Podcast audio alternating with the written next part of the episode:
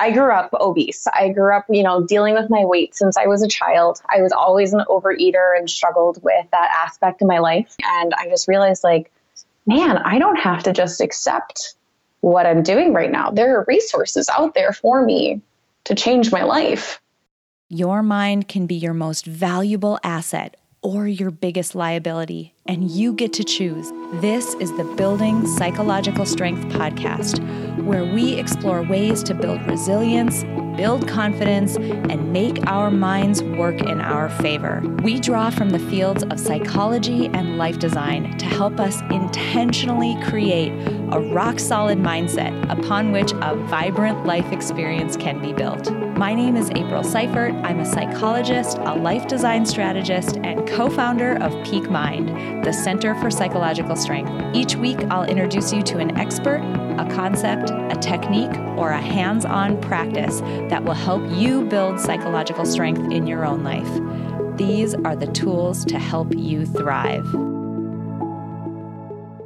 Hi, everybody. Welcome back to the Building Psychological Strength podcast. My name is April Seifert, and I'm your host. And this week, we are diving into a very specific topic, and that topic is obesity and bariatric surgery. Now, here's the thing if this topic directly relates to you, you are going to get an incredible amount of value out of this episode because we are speaking to an amazing woman named Kayla Landeta, and she is an expert in the area of bariatric surgery and all that comes with it, including and especially the psychological and life design aspects that go hand in hand with having a successful journey through the bariatric surgery process.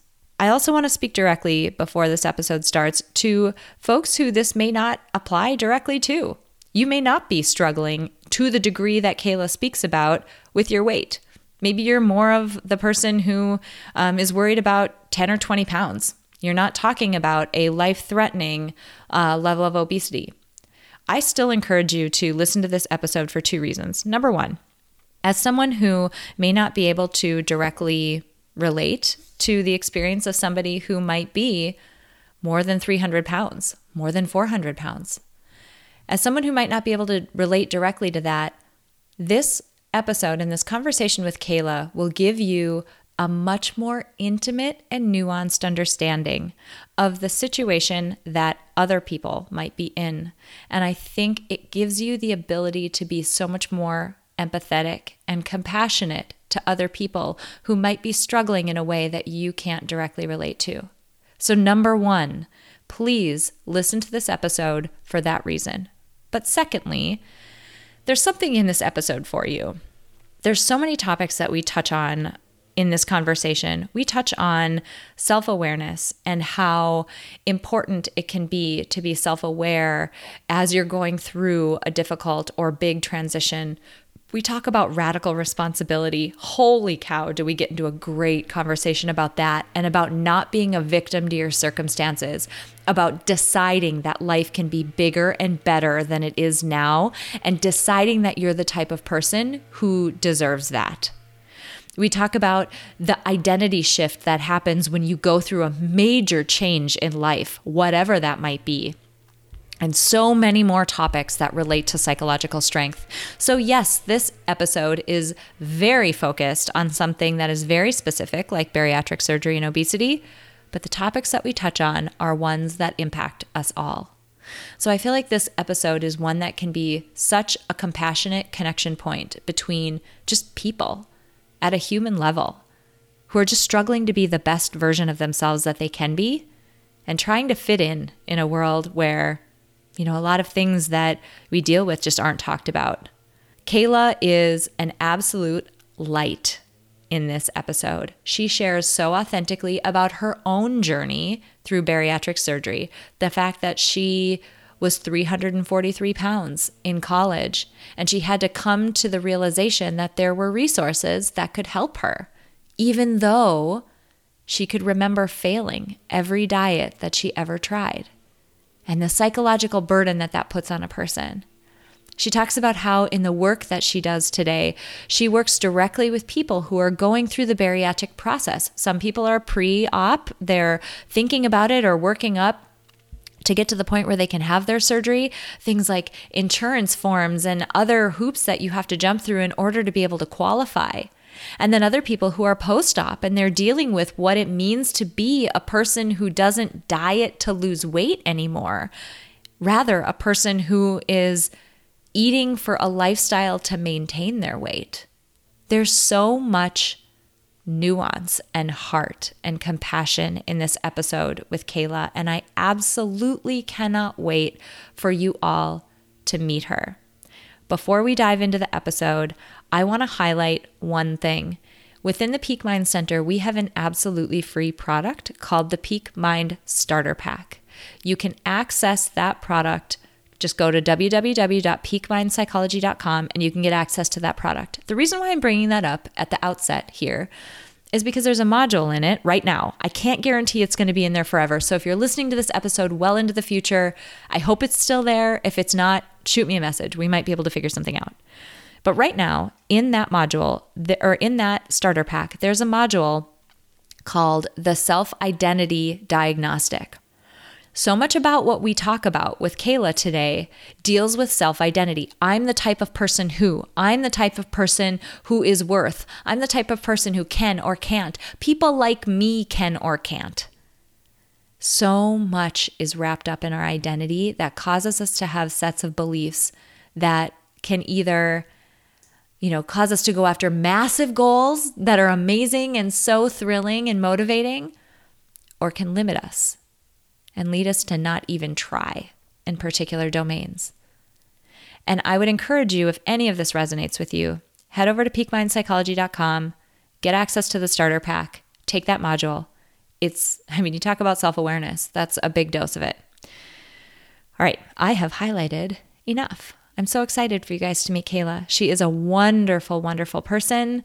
Please uh, enjoy this episode. Take away as much compassion and love as you can, and um, go be brave. All right, here's Kayla. Kayla, I'm so excited you're here. I have been looking forward to this episode for, I think, about two months now. So this is exciting that this day is finally here.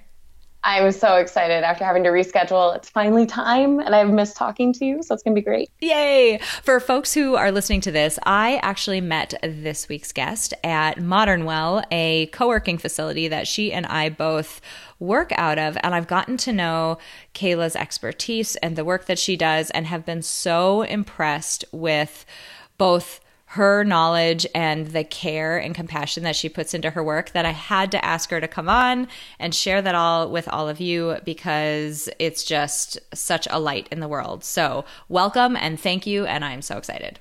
Thank you. It was so nice of you. So, let's start with just sort of the basics. Tell us a little bit about you, tell us a bit about the work that you're doing, and uh, how you got into it. Yeah, so my name is Kayla Landetta. Um, like April said, I work out of Modern Well now once I started my own company. Um, and basically, what I do is I am a weight loss surgery life coach. Um, so almost four years ago now, I had weight loss surgery. Um, I started at 343 pounds after I graduated college. And through a lots of up and, ups and downs, I decided that I could not be the person that regretted my life choice about not getting a handle on my health. And so I had weight loss surgery. And after a year and a half, I was sitting down at about 180 pounds. I was working for a fitness center. Uh, I was slowly growing an Instagram base of thousands of people who were interested in seeing me post pictures of my changing body and the food I was eating. And suddenly I realized more and more people wanted advice from me and wanted to know more about the experience and open up about obesity. And so slowly I overcame my fears and I started my own company, Time to Deflate LLC, as a life coaching business to work directly with bariatric patients um, in their pre op and post op process. Um, obesity was always something that was so incredibly isolating for me that I thought nobody else would understand at all what I was dealing with. And so being able to find thousands of people around the world who we could share these same experiences and understand each other, it was super powerful. Um, so that's what I do work wise. Um, otherwise, I am just about to celebrate my one year anniversary with my husband. He and I have been dating since eighth grade. Uh, so he has been there through the thick and thin of it.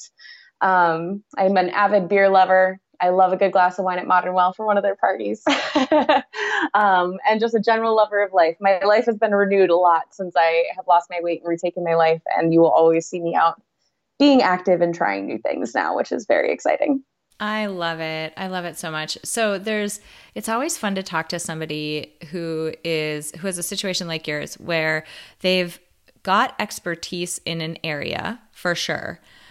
But they've also walked the walk. They've also been in the situation um, that you know they they work in, and they understand not only the sort of science and the the stuff that you can get out of a textbook but they understand the complexities of the emotion and the personal experience that happens when you're moving through something like bariatric surgery. Um, so i love talking to people like you. I'm wondering if we can start sort of before because you mentioned the word isolation and that just makes my heart sink because that's one of the um, you know there's a reason why um, you know when people are in prison, putting them in solitary confinement is such a terrible punishment for people because isolation and feeling cut off from other people is psychologically so damaging to us. And you used that word and it just hit me in the heart so hard. I'm wondering if you can talk a little bit about what it was like before. I mean, and even before you had decided to make the decision because, you know, that's kind of its own situation. Yeah, definitely. So, I I grew up obese. I grew up, you know, dealing with my weight since I was a child. I was always an overeater and struggled with that aspect of my life. Um, and you know, it started off as a very typical story. My parents were also overweight and dealing with that, and so every time they went on a diet, I was expected to diet with them too. Um, I had to go to Curves for Women at the age of 12 because my mom was worried about me. Um, and there was just more and more things like that where I wasn't a typical kid. I was forced to do sports because my mom was worried about my weight. Um, and there's just a lot of stuff like that where it wasn't stuff I wanted to do. And so I felt like I didn't belong with my peers for being in those same exact situations, but obviously for very different reasons. And then as I got older, like I was always a very social kid. I always had friends. You know, I started dating my boyfriend in eighth grade and he was around for everything. Um, but none of my friends struggled with their weight. And I think it leads, especially as a child, you don't understand why why you are so different or what's broken about you is how you you know visualize it. Because here are my friends who can eat anything they want who are just running around full of energy who are tiny and beautiful and then you're just sitting there thinking like god like what am i doing wrong? Now little do you know as you get older you're thinking like oh well here they were in these highly athletic sports and they were you know, had families cooking a certain way. And there's lots of other reasons. And genetically, they're just different. But when you're a kid and you feel like you can't talk about it and you feel like you can't relate to them in the slightest because they would never understand, you just slowly and slowly close in. And I think the biggest thing that it really caused for me growing up was the lying. I felt like I lied all the time to my friends because I always had to come up with an excuse for why I couldn't do something or why I wanted to sit on the sidelines, why I was tired, I remember in middle school and high school, I lied about having my period all the time so I didn't have to go to gym class because I was so embarrassed. And that definitely caused an issue with just like pushing myself further and further into isolation because obviously lying, you kind of tie yourself up in your own web, even if they're these tiny white lies. And it really it creates a new personality that you never expected for yourself. And I know as I got bigger, especially like through college, a lot of hobbies that I really liked growing up. Like I loved going for walks, I loved biking. Um, as I kept gaining weight and those things got more and more uncomfortable for me, and you know, really I didn't want to do them anymore. I became the kid who said, "Oh, I hate biking." And now, now that I'm at a healthy weight, I do 40 mile bike rides with my husband. I love biking; it's one of my favorite things to do. Um, but slowly, these lies they became part of my personality, and it really limited where I saw my life ever going all contributed to how like my personality shifted with my weight as I kept growing. Hmm.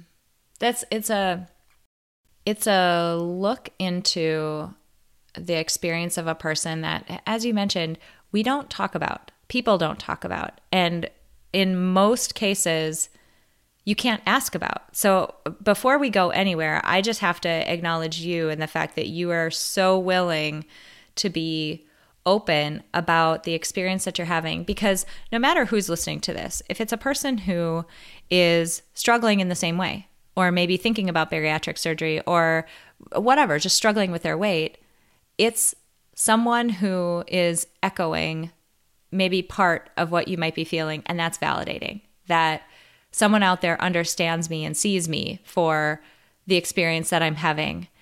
And if you're not that person, if you're someone who hasn't been in that experience or um, doesn't firsthand know, it gives you more compassion and understanding for what it might be like to be in someone else's shoes. Because what I've seen just you know, in uh, social media, sort of, but more in passing in just traditional, just being out in the world, is there's a lot of assumptions that happen about, you know, why somebody is in a particular situation. And, you know, it's just so easy to assume about people. Mm. And so I love that you're so open about your experience and what it was actually like because it takes those assumptions off the table and it says, no, this is what it actually was like. This is how it yeah. actually felt. Well, it was such a powerful thing in college. The first, because I never talked about my weight. If my parents tried to talk to me directly about my weight growing up, it usually ended up with me crying or running away, like literally running out of the room, like, do not talk to me. The fastest I ever ran growing up was when they wanted to talk to me about my weight, as I like to joke. um, but then um, my now husband growing up, it wasn't until college that we really realized like we were living together. We realized we wanted to be together. And it was the first time he had me alone in the car driving somewhere that he brought it up to me because he knew I couldn't run away. And he came at it with such compassion. Like he's amazing. He always loved me. He always made me feel so good. Um, but he just said, he was like, I want you around. He was like, I don't want to, mm. you know, be this invested in you and love you. And he was like, You're killing yourself the way you're treating your body. And he's like, That's not a great position for me to be in with you. Um, but really, the fact is that one of my coworkers in college was the first one who she had had weight loss surgery and didn't tell anyone until she lost 100 pounds. She came out on Facebook and said, Hey, I had the vertical sleeve gastrectomy. I lost 100 pounds. I'm really proud of myself. And if anyone has questions, let me know. And I had like never been close to her or anything. I just knew her through work. And she was the first person in my life that I sent a Facebook direct message to her and said, Hey, this is really awkward, but could I talk to you about your surgery that you had? And she was the first person that, like, she greeted me with such compassion because she understood. She got it.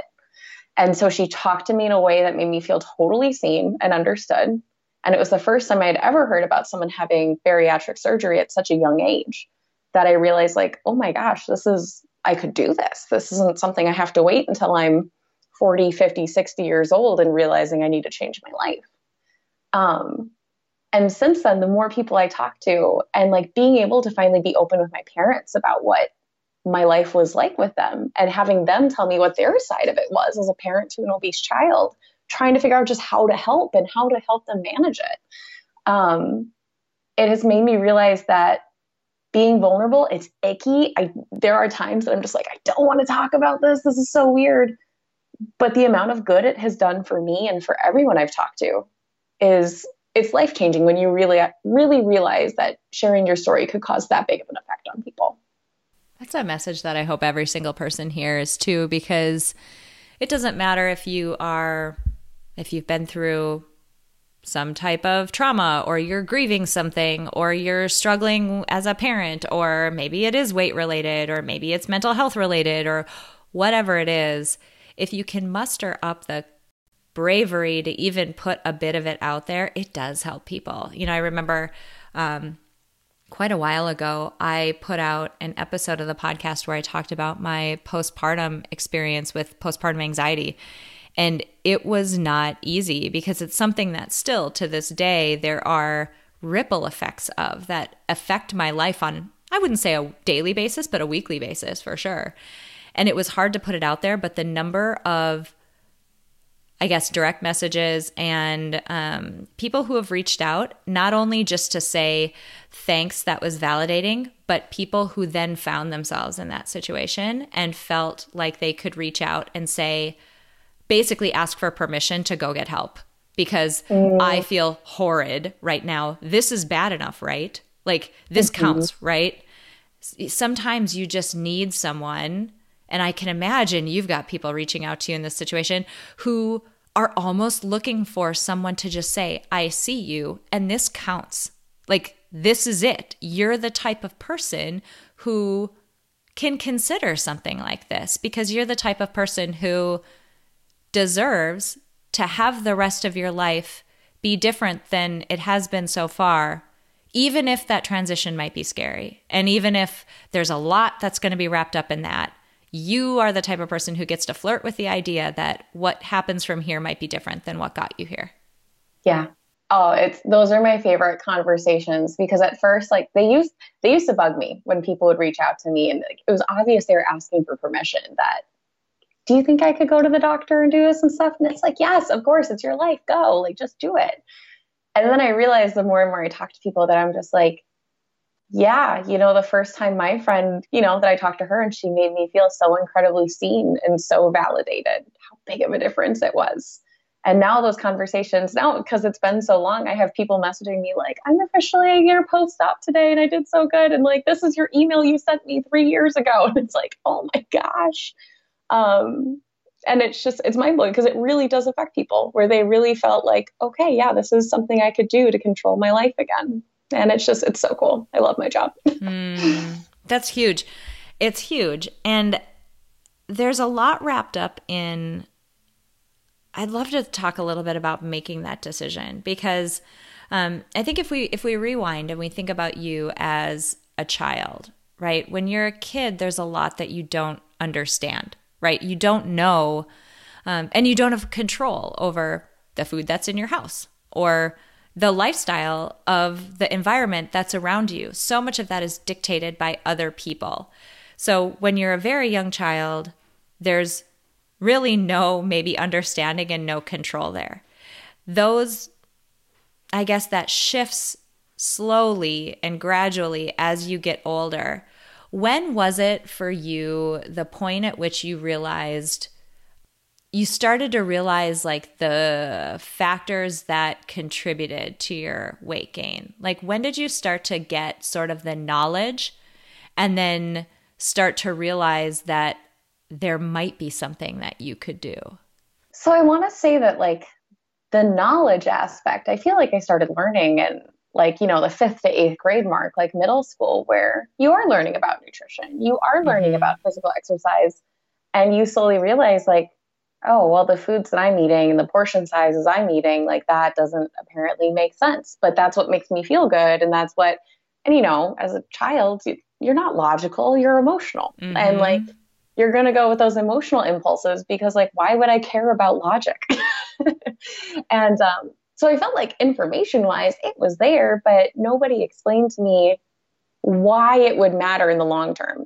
Like I always think about the fact that in high school they tell you like, okay, you're going to go to college. Here, sign these papers for this extravagant amount of money that you'll pay back, and you're just like, oh yeah, I totally understand what this is. And then you graduate college and you're like, let me do that? right. explaining this to me. Do you know like, I what? was 18 and this is right? a lot of money you gave me? like you wouldn't let me drink a beer and you let me take out how much money? um, where logically I was given the information, but that doesn't mean I was in a position that I had control and I understood emotionally what that meant. Um, so, high school was the first time that I think I was really introduced to diet culture when it wasn't my parents. Like, my parents, all throughout middle school and stuff, they were trying to help me figure out my weight. I remember my dad telling me, like, you know, don't worry about it. Like, it's when puberty hits, it'll start melting off. You're going to lose your baby fat. And, you know, I heard all the things growing up where I was just like, oh, it'll be taken care of for me. It'll happen. Like, don't worry about it. It'll, it'll just work out. And then high school was the first time that I started seeing people actively trying to change their weight, where I saw friends who used to be chubbier slim down drastically over one summer and come back with a totally new body, or um, girls talking about dieting or not eating and learning about eating disorders, and then having friends wanting to have an eating disorder, and all that like super conflicting, awful high school information and yet I still feel like most of it was very ruled by emotion for me, where I was like, yeah, but food is good, food is comforting. It's the one thing I can control. And I would rather feel good in my life. And so it really wasn't until after college that I really started to realize I could control other things in my life and I didn't have to accept my situation, um, whether that's where I lived financially. Like it was the first time of like true freedom after college where it's like, oh my gosh, like I'm not expected to go to high school and then college and then this and this, this. Like now it's just this open abyss of what do I do now? And no one was telling me what to do. And it was just, it was very empowering and overwhelming. And I just realized, like, man, I don't have to just accept what I'm doing right now. There are resources out there for me to change my life. And that's when I really started to understand the, huh, okay, I can do this. This isn't my environment telling me what to do. I could change my environment. That's such an important point. You know, just uh, folks who are tuning into this episode, if you caught Friday's episode, so the episode that came out right before this one, we dove into the concept of radical responsibility, which I define, and, and Kayla, I know you have definite thoughts about this as well, and I'd love to hear yours. I define as taking 100% responsibility for 100% of the situations you find yourself in. So it's not fault and blame. It's not backwards looking. It's not, you know, did I deserve to be here to get here? That isn't it. It's here you are, looking forward. What are you going to do? Like, what responsibility can you take? What factors can you influence? And are you going to? And are you going to take responsibility for them?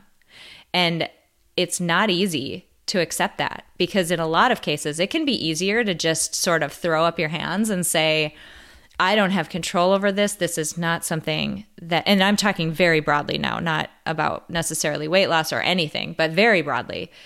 It can be easier and frankly more comfortable, not in a positive way, but in a familiar way to stay where you are. Did you struggle with that? Like, I have to believe that there was almost like a, a seesaw back and forth a little bit at that at that decision point. Well, and I feel like I have that, you know, a different type of decision every day that I struggle with it. Because um, it's not, I always joke with clients that I work with, and I'm like, I'm not a disciple. It's not the fact that I know exactly what I'm doing. I struggle. I do all my own self practices every day. um, but I think, so I read a book by Seth Godin um, called uh, When It's Your Turn and It's Always Your Turn. And great book. If anyone wants to read it, it's like the most motivational book I've ever read in my life. And um, there is a great section of the book where he talks about the fact of um, fear of freedom. And it was this whole concept of we're not afraid of the things that we supposedly don't have control over because we have control over everything. It's the fact that the freedom of that choice is terrifying and we'd rather not deal with it. Mm. And the way he described it, he was like, You always have control over your choices. He was like, Now, he was like, I can stipulate that you may say, Well, if I want to keep X, Y, and Z, then I have no choice. He's like, That's totally true. Like, you are prioritizing stuff differently to cause your choices to change. But in the end, you have total choice over what's happening. And like, just reading that and just realizing how that affects every aspect of my life, whether that even means like, oh, I really want to do this 5K, but like I'm not a runner. I'm just like, well, okay, no, I could be a runner. I could, like, there's a lot of running programs out there to teach people to be a runner. All right, I guess I'll sign up for a 5K and like make it happen and just like I'll make that choice.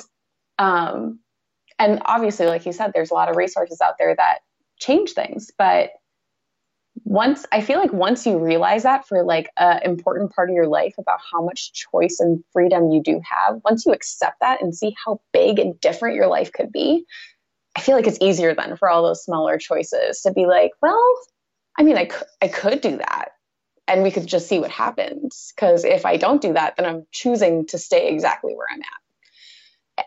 And from what I have found, every time I've taken a radical decision, whether it was weight loss surgery, agreeing to get married, starting my own business. Like there's so many things that was it the right time for any of those things? Was it like the most opportune moment of my life to jump in and do that? No, probably not. It, I probably could have waited for a more opportune time if I was willing to just sit there and wait. Um, but every time I've made a choice, to just be like, no, it's it's time. I'm going to do it. It's never let me down because even if it didn't work out in the long run, it led to so many other opportunities and choices and other great things to go off of. There's so much in what you just said. Number one, uh, people don't realize sometimes that choosing not to decide or choosing not to act is also a choice. That mm. you, um, sometimes things like sunk cost, I've put so much effort mm-hmm. into this thing that I've been doing. I can't change now. Well, yes, you can. We focus so much on effort and time and whatever that we've put into something in the past, and we don't give enough credit to what's coming in the future because that's not as tangible. But I, I go back to you saying, I don't have to wait until I'm 40, 50, 60 to have this surgery. If you think about it from a rational perspective, how many years of your life can you live in a more healthy way? It makes no sense at all to wait. But mm-hmm. that's not how our minds work and not what it tells us. We have a hard time thinking about the possibility of there being positives or something coming that we can't quite wrap our hands around because we don't have experience with it yet. It's that blind faith that we have a tough time with sometimes, but it is very rational when you think about it. So that was mm. one piece that um, I had to highlight because, you know, you're saying you could have chosen to stay where you were, but you didn't. You chose something different. Mm-hmm. Life can be so much more than simply going to work and waiting for the weekend. But deep down, you already know that. You know that life can be so much more vibrant. You know you were made for more than just passively going through the motions. You know you can thrive, but to do that, you have to start from the inside out. And that is why I'm so excited to announce that for a limited time, we're offering you the opportunity to join us in the Peak Mind membership for only $1 for your first month. That's right, $1 to join us in the full Peak Mind membership. All you have to do to take advantage of this amazing offer is to visit us at www.peakmindpsychology.com, click on the membership, and enter the code THRIVE at checkout. Think about it. We all know what we need to do to keep our bodies strong. But what about our minds? What if you had the tools to build the psychological strength confidence, and resilience to help you thrive at work, at home, and in the rest of your life? What if you made the commitment to living your life by design and not by default? All of this is possible. The goal of Peak Mind, the Center for Psychological Strength, is to help you build the mental toughness, flexibility, and resilience to thrive in your life. We draw from the fields of psychology and life design to help you intentionally create the vibrant life experience you know is possible. Through live online workshops, a 24 7 on demand library, expert interviews, and monthly challenges, our members are building the psychological strength that it takes to thrive through life's ups and downs. And like I said, you can do it too. For a limited time, we're offering you the opportunity to join us for only $1 for your first month. Just visit www.peakmindpsychology.com, click on the membership, and enter the code THRIVE at checkout. Your mind can be your most valuable asset or your biggest liability, and you get to choose. So, what choice are you making? Join us in the Peak Mind membership before this amazing offer goes away. Tell me a little bit about how you work with people. What do people what do people reach out to you about? You know, you've definitely mentioned permission is something. And I'm asking this because anytime we're at the sort of or approaching the start line of something that's going to take us outside of our comfort zone, that's going to be um, outside of what we would say, I'm the type of person who blah, blah, blah. Anytime that we're going to try to do something that's outside of that, um, it can get pretty heady and there can be a lot of issues wrapped up in it. So I ask about the type of things that your clients come to you with because I think it applies more it it applies so much more broadly to anyone who's doing something that feels new and really scary. Yeah. Um, so the majority of my clients, I tend to work with a lot of people who are pre-op. And so for people out there who don't know much about weight loss surgery, basically to get it qualified for insurance to cover it. A lot of insurance companies won't still. They see it as an elective procedure, which I personally think is crap because of how much good it does for people. But either way, um, more and more insurance companies are accepting it, but you have to do a lot of work for them to agree to cover it. And so my pre op process took me eight months. Um, of doctor's visits, nutritionist visits, physical therapy, uh, psycho health. Um, I had to follow a diet plan. Like there was a lot to it. Um, and while it was really empowering for me and I really, really loved it, other people have to go through programs that are six months long where you see your doctor twice. They hand you a pamphlet and say, like, okay, follow this diet. You have to lose 25 pounds and we'll talk to you in six months. And there's other people's programs that are like, okay, yep, it looks like your insurance will approve it in eight weeks. So we'll schedule your surgery and we'll see you then. Uh, so, what you have to do to qualify is crazy different around the world. And people start panicking before it because, well, I failed at every diet leading up to this. How am I going to succeed after this? Mm, that's got to so, be a huge belief to work with oh, people on.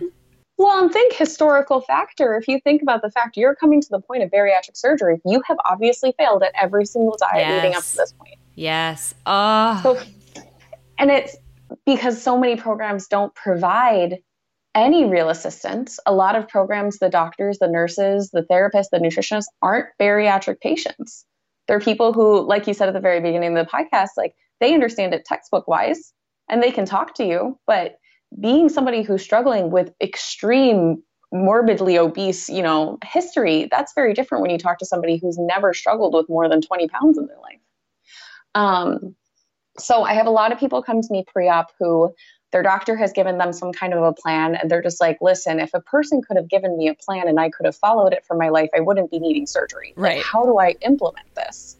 And so what I do is I take their plan, I help them understand why that plan is in place the way it is. So we kind of break down like what are the goals with what they just gave you, so you understand the why. Um, I was always that person that when somebody tells me a rule, I'm like, why? What is the point of that? Like, don't. Oh, honey, we you and I have that in common. Oh, my. my poor husband. He listens to me say, "Oh, but honey, most of those rules were made for like the lowest common denominator. They just don't apply here. Like, I just it just doesn't apply. It's terrible to say because yes, you do have to follow them, but you and I, yeah, we have that same little like, oh, uh, yeah, my, pushback. My my old jobs did not appreciate me because I would not be micromanaged because I was just like, tell me why you want to do this. If you can explain to me why, I will do it the best you've ever seen it. But until you can tell me the reason. High five. I'm with you. um, but so a lot of people struggle with that. And so being able to actually describe to them, like, this is the reason why they want you to work on this now. So post op, these things are easier. And then it's a heck of a lot easier to actually agree and stick to it and implement it. Um, and then the other thing is just taking their plans and actually creatively fitting it into your life. And so I've had a client before who's like, listen, I'm in a same sex relationship. My child has autism and is the pickiest eater. These are the only five foods he eats, and I have to keep him in the house. And we need to go to fast food because that's what he eats. And like, what am I going to do while managing all of these things? Like, sure, this plan is great that my doctors gave me, but it doesn't fit with my life. And so being able to come up with creative solutions with meal prep and here's things that you can order for your kid that won't tempt you and here's other things we can try. And just having that extra set of eyes to be creative and knowing the end goal and understanding mentally where you are um, is really powerful for people, especially at the beginning where they're just like, I don't know if this is a good idea. I don't know if this is something I can stick with. Or it's just like being able to be there every week, like, no, like look it's worth it. Like look at the things you're going to be able to do.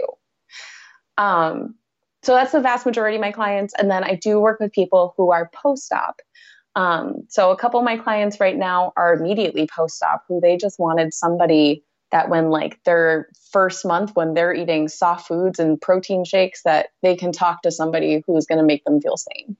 When they're going through their hormones changing and all sorts of, you know everything that accompanies bariatric surgery just realizing it's normal because a lot of our healthcare system, they can't call their bariatric doctor to be like, is it normal? I'm sitting here crying over a commercial of french fries. I'm not even hungry. Like, there's so many weird things that pop up, and you can't call your doctor to be like, is this a normal thing? um, And then farther post op, dealing with regain and dealing with maintenance, which maintenance for weight is the most mind boggling thing I think I've ever gone through in my life because I've always been someone who's needed to lose weight. So, who is my identity now that I'm farther out, mm, don't need to lose weight? That's huge. Oh, there's so many levels. And it's cool because after being able to live through all these things, and I've been maintaining my weight now for two years, and I've dealt with, you know, 10 pound regains and having to lose them and deal with that. And it's cool because I know each side where I'm just like, I understand what you're going through and I remember it sucking, and here's how I got out of it. um, but yeah, there's just so many different layers. And I love it because every client, every call I get to hop on every day, it, it makes you very grateful and it makes you appreciate where you are in your journey. And it makes you want to work that much harder to maintain this lifestyle I've created. Let's talk about that. What does your life look like now? my life is awesome. I love it. um, so right now, uh, I you know, I would actually consider myself an active person, which if you had told 13 year old Kayla that she would ever be an active person, that would be a big laugh in your face. Um, but I would consider myself a beginner runner. I'm a huge biker. I'm planning a trip to Tahoe to go summit a couple of mountains with my husband. Like, never thought that would be the case. Um, I'm somebody who, so I graduated from university with a history and philosophy degree. Um, I'm not using that in my work, but I still use that in everyday like critical thinking. Um, but I thought after going out of college, I was like, well, I'll never work a job that I love. Um, for a long time, I worked as like office administrator. I worked in a phone scheduling bank for a hospital up here. Like I never thought I would have a career that I loved. Um, so now I'm getting to do this dream job that I've created that I get to have like huge emotional, like I'm living the millennial dream is what I'm saying. I get to help and I get paid for it and it's just like fabulous. um, I get to like go for a run in the middle of the day because I'm not at work. Like this is the millennial dream everyone's looking for. I love um, that. I love that. What it sounds like, the way that you describe it, and your voice changed, yeah. which was so cool. Your voice got so much more vibrant you know, you talked about it before how you're doing these 40 mile bike rides. High five, sister. I don't think I've ever ridden 40 miles. I mean, even on like the lie, worst, the worst Peloton ride I've ever done, I'm not even approximating that. So, wow. Um, 40 mile bike rides and trying new things. Like, I remember the first time I decided to do a 5K run or a 10K, I don't remember, one of the two, I knew that it was not possible. It wasn't that I wonder if I could do it. I was like, no, I can't. I'm not mm-hmm. going to make it, but I'm going to sign up anyway and try it. So I, I hear you with that. When you're doing these new things and like climbing mountains, it sounds like you have you've gone through this experience and you've come out the other side an active, like an actual active participant in your own life. You're not passively moving through it anymore. It feels like you're very actively participating in every aspect of your life. And it's amazing, like, especially being like, I'm, I guess I'm officially in my late 20s. I hate saying that. I was like, I'm in my mid 20s. I'm late. Um, but I'm at this really fun part with my husband where, you know, we're working on our debt free journey to pay off all of our student loans. Uh, I have this healthy body. He has a job he loves. I have a job I'm creating. Like, it's the first time that, you know, I talked after college with like, you know, taking ownership over my weight that looking out to the abyss where it's like, man, I, I could change things. And that was coming from a, I need to fix my life. I need to change things. And now I'm at this point of like, wow, I get to grow my life and change oh, things. Yeah. And like, it's that same like really like scary, overwhelming, free feeling of like, wow, I could, I could build a tiny house and go live in the mountains with my husband. I could go you know, live on the East Coast for like it's this huge, wide open expanse of just like I could do any of the like I could figure it out. And it's overwhelming and it's like terrifying and it's so cool. Um, just the idea of like I could figure whatever I wanted to do out right now and jump on it and just go and make it work logistically. What I love about what you said, it's the distinction that we talk about within Peak Mind, the Center for Psychological Strength. We talk about it all the time. The difference, especially in the field of psychology, between helping people get to the point where we're sort of overcoming an acutely or chronically difficult thing, which has its merits. There is so much value, obviously, in getting people over or getting them to the point where they're managing or being able to live with more effectively a diagnosis, a mental health condition, anything like that. There's benefit there. It's a different thing, though, to take somebody from the point where they've done that and get them to thrive and like really, really hit the gas. And I love that you made that distinction because now you're at this point where you're doing well in all box checks that you could put on a piece of paper. You're doing well, and you're like, how can I thrive? And that's so cool.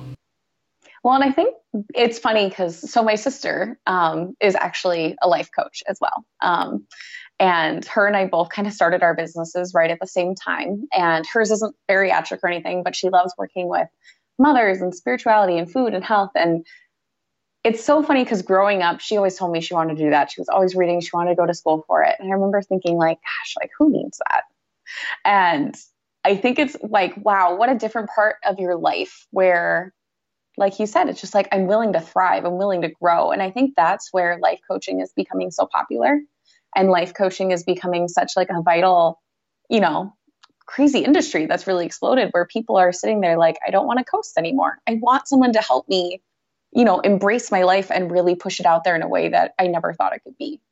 And so it's really fun to see my sister with what she's doing and see what i'm doing with my niche population. Um, and yeah it's just it's very cool to see the thriving aspect because like you said when you're in another darker spot in your life like you're just like i don't understand the point of that until you get out of it. And then you're like, oh, there's even more. I could do even mm-hmm. more now. Well, and what I feel like you're doing for people is, you know, we talked earlier about how it can be easy to hold on, or, or I guess it can be safer or feel safer to hold on to the the things that you know in the past. It's harder to think into the future about the benefit that you might get by going through a massive change, whatever that might be. And you are providing something a bit more tangible that people could see. They just have to be able to dare to believe that it could also happen for them. But mm-hmm. you're being this tangible example of hey, this transition, this change, this effort, this work you're going to do, it's worth it because this is what it looks like on the other yep. side. And being that guide for someone is so valuable because you're talking about somebody who who like cannot see the road ahead of them unless mm-hmm. you show it to them and it's so valuable what you're doing. Yeah. It's I love it. I love it. I love it. So before we wrap things up today, um, a couple of things. I have to ask you for um, your definition of psychological strength. I'd love to hear that. You have such a wealth of experience, and I'd love to hear how you think about psychological strength. So, psychological strength to me really comes back to what we talked about with radical responsibility. It's that fact of really feeling confident in your own mind and your own soul that you are worth it and you do have a lot more power than you ever thought you could have. Um, being able to make choices that directly affect your life, not like you're not just worried about your kids, your significant other, your friends, but actually having that responsibility for yourself and knowing that you're worth the work, I think shows the most strength and power um, that anybody could show for their psychological and emotional health. Mm, that's a great definition. I got goosebumps when you said that. I love that. I love it. Thank you. Thank you. and then, and then, given that you have so much expertise in this area, I'm wondering if you can leave us with some tangible tips. Maybe we go two sides of the coin with this. First, maybe tips for people who might be sitting here thinking, "Oh my gosh, that kind of sounds like me." Is this something that might apply to me? Is this something that I should consider? Um, so, tips for a person who might be in that situation. And then also, tips for somebody who might never have been in that situation. How can you be more compassionate and supportive and understanding to others in your life who, you know, might be in a position where they're, you know, really resonating with your story? Yeah, definitely. So, if you are someone out there who is considering bariatric surgery, my number one logistical actionable step is contact your insurance company and contact your doctor. Because as much as you may want to start going onto YouTube and Instagram and finding stories and talking to me, until you know the logistics for your program, like I said, they're all so incredibly different. You need to do that first. So, logistics, that's always my first thing that I tell people. Um, otherwise, my biggest like thing for people considering surgery is really take a moment to look at your life and understand that distinction of if I don't make a choice to at least pursue this a little bit to see what the option is, if I choose to just stay here and accept where I'm at right now, are you okay with that? And if you aren't comfortable with surgery, what changes could you make? You know, could you reach out to a doctor, or a nutritionist, instead of going and signing up for another app that you won't use? You know, there's so many legitimate resources out there to help you manage your weight and your health that I think a lot of us find it easier just to give more money to diet culture instead. Um, there's a lot of resources out there that really do want to see you actually succeed and not fail and come back. Um, I also want to include, because I know we're going to talk about somebody who's never had that issue before, but if you're somebody who is dealing with a loved one who's going through this situation, so whether you're a parent, a sibling, a significant other, a child, um, the biggest thing you can do is lead by example for them. Uh, whenever you try to talk to somebody dealing with a weight issue, they already feel so closed off that you coming at them will feel like an attack. So, the best thing you can do, the thing that I always try to do for my friends and family who maybe are trying to figure out diet and exercise, lead by example. Invite them to go for a walk the next time you want to hang out. Invite them to have a potluck at your house instead of going out for drinks. There's so many ways that you can include a more healthful decision in their life to make them feel safe around you and yet not judged. Um, that's the biggest thing I could recommend to somebody dealing with a loved one with a weight issue. For somebody who's never dealt with weight before and doesn't have any idea about what people are going through, the biggest thing that you have to remember is just the fact that we're all humans. Um, there's a huge epidemic right now in our world of obesity related um, discrimination in our workforces and so many other things. And know that there are so many other resources besides this perceived idea of laziness. Um, and it might even just be that this internal belief of they don't think they can. And remember, there are so many other things in our society that we're all struggling with that at the same time. You know, whether it's our finances or whether it's uh, trying to become a mom or a dad, there's so many stories that you don't know um, unfortunately, weight is just something that we carry on our bodies and you can see the result. You may not see my credit card statement. You may not see my fertility issues. You may, there's so many things we don't see, but weight, unfortunately, is right out there for you to see if someone's struggling one way or another. Um, so just be cautious of judging that because you don't know the whole story. Um, and know that that person, they just need a friend more than anything. And they are just as great of a person um, and are worth investing in. Um, never fall into those stereotypes that other people might be putting forward.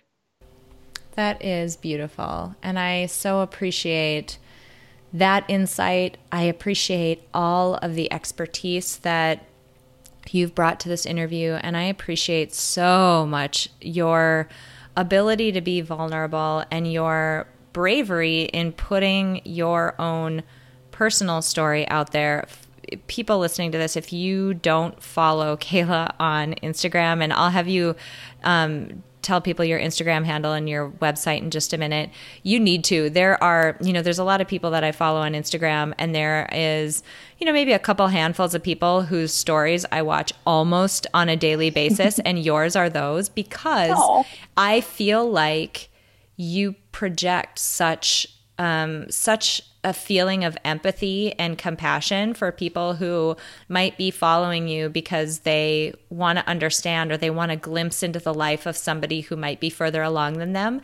And it just, that authenticity is what people crave today and you absolutely have it so if you don't follow her on instagram you need to um, even if you don't um, feel like bariatric surgery is something that applies to you or that you're worried about follow her because she is one of the few human beings who are putting themselves out there as a full human being on social media. It's amazing. So, with that, um, help us out. Where can we follow you, learn more, get to know you a bit more? Yeah, so my handle on literally everything is time to deflate, all spelled out. Um, even if you want to follow me on Pokemon Go, I'm there on Time to Deflate as well. um, but I am uh, very the most active on Instagram and my website, timetodeflate.com. If you're interested in coaching resources at all, if you are going down bariatric surgery path, um, my application to work with me is on my website. Um, I'm not on nearly as much, but I do have a pretty active YouTube channel as well where you can find me um, and participate and see the content that I'm putting out there for free for everybody. Amazing. Thank you so much. I've, like I said, I had been looking forward to this for so long. This completely exceeded every expectation I had, which was pretty high before. but you're just so knowledgeable and so compassionate with the way that you approach this work. And I feel like I have a better understanding of the nuance I'll never have a full understanding of it, but a better understanding of the nuance that goes into making such a huge decision and then everything that comes along after it. So I so appreciate you sharing that with this audience. It's so valuable. And thank you for everything that you do online. It's just, it's such a light in the world. Thank you, April. I've been looking forward to this too long. It's so great to chat with you. It's a simple fact that nearly everyone in the world could benefit from building psychological strength. But not everyone will put in the time and effort to do so. But today you did. Thank you so much for listening to this episode of Building Psychological Strength. Now, if you're interested in building the mental toughness, confidence, and resilience you need to thrive through life's ups and downs, visit us at www.peakmindpsychology.com. Also, if there's someone in your life who could benefit from this episode, please share it with them. And if you yourself found this episode valuable, meaning if you took away even one insight that you can use to build psychological strength in your own life, we would so appreciate it if you would drop us a rating and a review on iTunes. The thing is, the more ratings and reviews we have, the easier it is to get this powerful and important content out to the people who need to hear it. Remember, your mind can be your most valuable asset or your biggest liability, and you get to choose. So choose wisely, my friend. And I'll see you next time on Building Psychological Strength.